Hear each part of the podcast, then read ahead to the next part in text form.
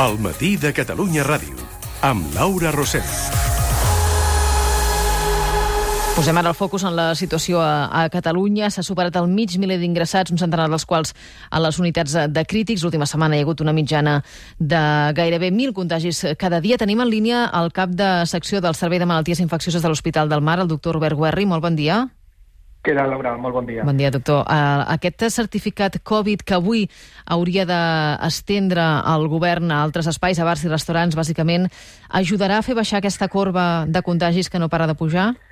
sí que, sí que ho pot fer. Miri, uh, el fet de ser capaços de, de, de tallar la transmissió entre, entre, entre persones, i això significa garantir que les persones que estan vacunades eh, puguin estar en un entorn tancat i persones no vacunades, amb el risc que això comporta, no puguin entrar en aquest mateix entorn, mm, això ja transmet la transmissió. Estem veient als hospitals ara que, que qui ingressa eh, ingressa una proporció molt alta de persones, eh, de persones no vacunades. Per tant, mm, aquestes persones estan en risc per elles mateixes i, a més, per transmetre la infecció. Mm. En, en quins casos s'hauria d'aplicar aquest uh, certificat Covid? Perquè estem parlant de bars i restaurants, però, però on passem més hores al dia és a la feina o als transports públics, no? Sí, el que passa, el que passa és que, per exemple, el que succeeix en un bar o un restaurant on, on un uh, es treu la mascareta, està menjant, està parlant, uh, això, uh, en principi, uh, a la feina i sobretot als, als espais uh, del, del transport públic, per exemple, no, no passa de la mateixa manera ni sobretot amb la mateixa, diguem, durada, no? I a la, a la feina sí, però a la feina sí que és veritat que eh, ja, ja s'han posat mesures o s'ha fet de posar mesures eh, d'intentar mantenir les distàncies, portar les mascaretes, àrees ventilades i, a més, fomentar el teletreball.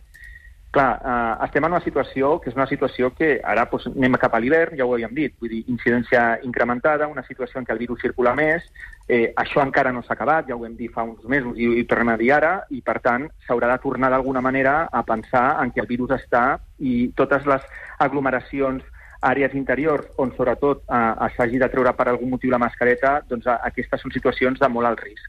Hm.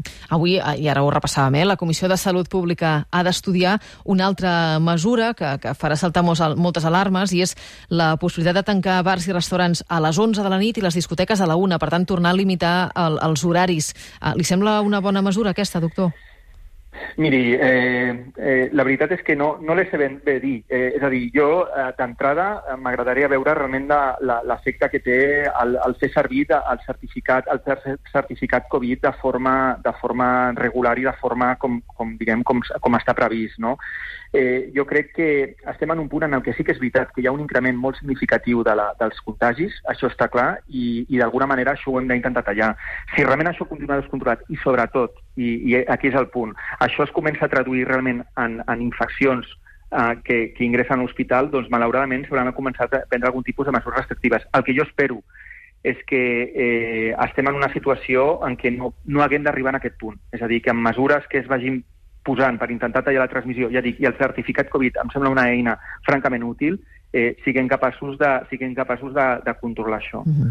ah, perquè els pacients que estan ingressant ara, per exemple, aquí a l'Hospital del Mar, eh, quin perfil tenen? Són, desenvolupen la malaltia en un estadi més, més greu o, o la passen millor? Com, com, com s'està portant això? Clar, no, no, ara, ara en aquest moment hi ha, hi ha dos grans grups de, de pacients i, a més, molt clarament diferenciats. Tenim, per una banda, persones amb un tipus d'immunodepressió o persones d'edat més avançada amb el que la resposta a la vacuna, que això ja ho sabem, és més, és més, diguem, més feble i, per tant, hi ha risc de fer la infecció i són persones que fan la infecció, però fan una infecció que, tot i que pot ser molt greu, és clarament diferent al que veiem fa un any, vull dir, això claríssim, vull dir, és una, és una, és una infecció, insisteixo, pot ser molt greu, però és clarament diferent, ni és tan explosiva, ni a més és tan, ni, ni a més és tan uh, potencialment eh, agressiva com, com ho era fa un any, això, això per suposat. I el gra, altre gran grup són les persones no vacunades que fan exactament les mateixes uh, eh, pneumònies greus que estàvem